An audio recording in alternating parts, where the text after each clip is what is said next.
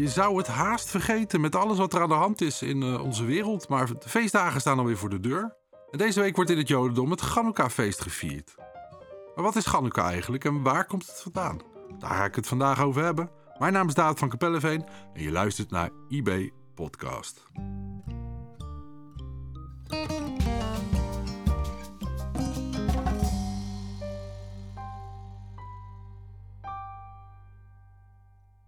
Voor de oorsprong van het Chanukka-feest moeten we meer dan 2000 jaar terug in de tijd, namelijk naar de periode tussen het Oude en het Nieuwe Testament.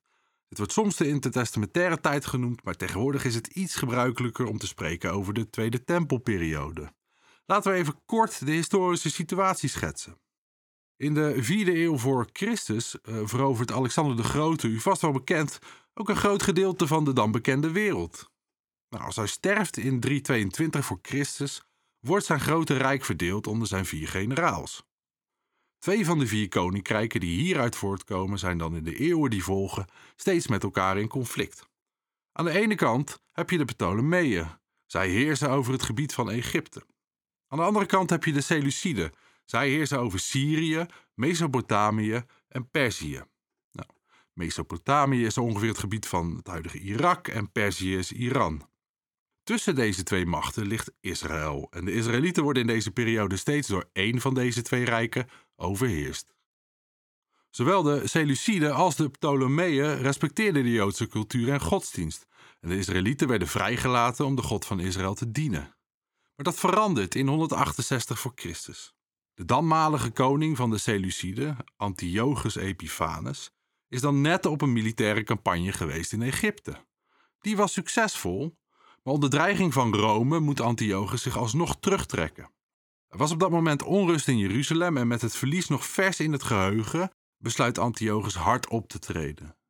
Jeruzalem wordt verwoest en Antiochus doodt duizenden Israëlieten. Hij ontheiligt de tempel en richt daar een altaar op voor de Olympische god Zeus.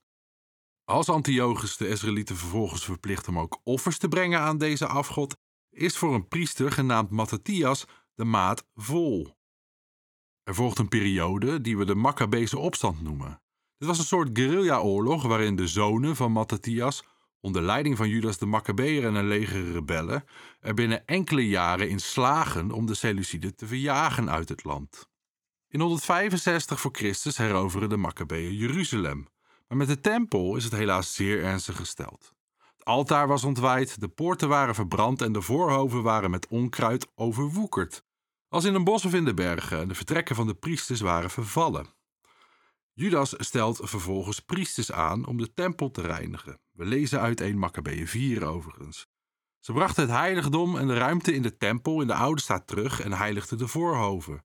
Ze maakten een nieuw tempelgerei en zetten de lampenstandaard, het reukofferaltaar en de tafel van de toonbroden in de tempel. Ze brandden reukwerk op het altaar en staken de lampen aan, die voortaan weer in de tempel zouden branden. Ze legden toonbroden op de tafel en hingen de voorhangsels op. Daarmee was het werk wat ze ondernomen hadden voltooid. Nou, precies drie jaar op de dag af dat Antiochus de tempel ontheiligde, werd hij opnieuw ingewijd. Dit werd acht dagen lang gevierd. Chanukka is dus in de eerste plaats het feest van de tempelwijding en een jaarlijkse herinnering aan deze gebeurtenis. Chanukka staat ook bekend als het Lichtenfeest. Er wordt namelijk ook herdacht dat de Maccabeeën bij de tempelreiniging maar één kruikje olie konden vinden om de lampen van de gouden kandelaar in de tempel te laten branden, de menorah. Toch was dat ene kruikje genoeg voor acht dagen. En dit wordt dan het wonder van het olie genoemd, vandaar dat het feest acht dagen duurt. Maar een kanttekening die we hierbij kunnen plaatsen is dat dit verhaal niet in het boek van de Maccabeeën staat, maar in een veel latere legende uit de Talmud. Dus het is waarschijnlijker dat het feest acht dagen duurt, omdat het Loofhuttenfeest dat jaar niet gevierd kon worden. Dat duurt immers ook acht dagen. De Maccabeeën bepaalden wel dat Chanukka jaarlijks gevierd zou worden vanaf de 25e van de maand Kislev. Nou, de maand Kislev valt altijd in november, december, vandaar dat het feest ongeveer gelijktijdig met kerst is. Wat je misschien niet weet, is dat Chanukka ook in het Nieuwe Testament voorkomt. In Johannes 10, vers 22 en 23 lezen we namelijk. En het was het feest van de inwijding van de tempel in Jeruzalem en het was winter. En Jezus liep rond in de tempel. Nou, Het woord voor inwijding, Ekkeina in het Grieks, is waarschijnlijk ook de vertaling van het Hebreeuwse woord Chanukka. Toch was Chanukka eeuwenlang eigenlijk maar een van de kleinere en onbelangrijkere feesten in het Jodendom. Dat is ook niet vreemd natuurlijk. Het is geen feest dat Mozes heeft ingesteld in de Torah. In de laatste twee eeuwen is het veel groter geworden, en dan met name in de Verenigde Staten. Nou, hoe is dat nou gekomen? Nou, in de 19e eeuw was er een zekere rabbijn in de Amerikaanse stad Cincinnati. Hij heette Max Lilienthal. Max zag dat de lokale christelijke kerken rondom kerst allerlei kerkelijke activiteiten organiseerden voor de kinderen. Zo hè, probeerden ze de waarde van het christendom aan hen te onderwijzen. En hij werd hierdoor geïnspireerd en zo introduceerde hij Chanukka-vieringen voor kinderen in zijn synagoge. Er werden liederen gezongen, kaarsen aangestoken en snoepjes uitgedeeld.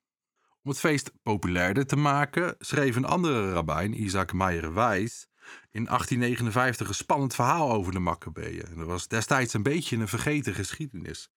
Nou, dat verhaal werd wekelijks gepubliceerd in de veelgelezen Joodse krant De Israelite. Chanukka moest dus eigenlijk een soort Joods alternatief voor kerstmis worden.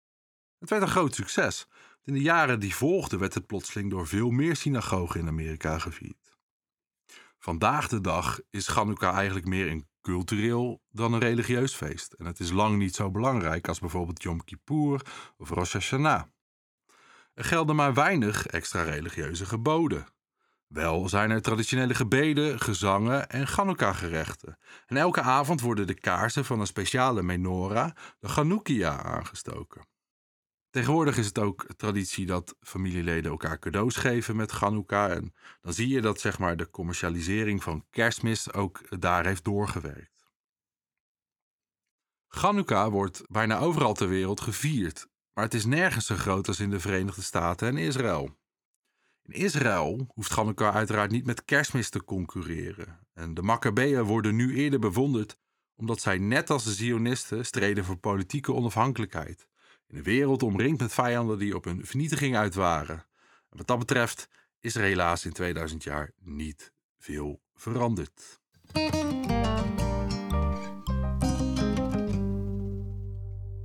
Dus dat is eigenlijk in het kort de achtergrond van het Chanukka-feest. Wil je nou meer weten over de feesten van Israël? Kijk dan eens op www.israelandebijbel.nl. Daar kun je eh, allerlei mooie studies en artikelen vinden. Schrijf je in voor de nieuwsbrief of bestel eens een proefnummer.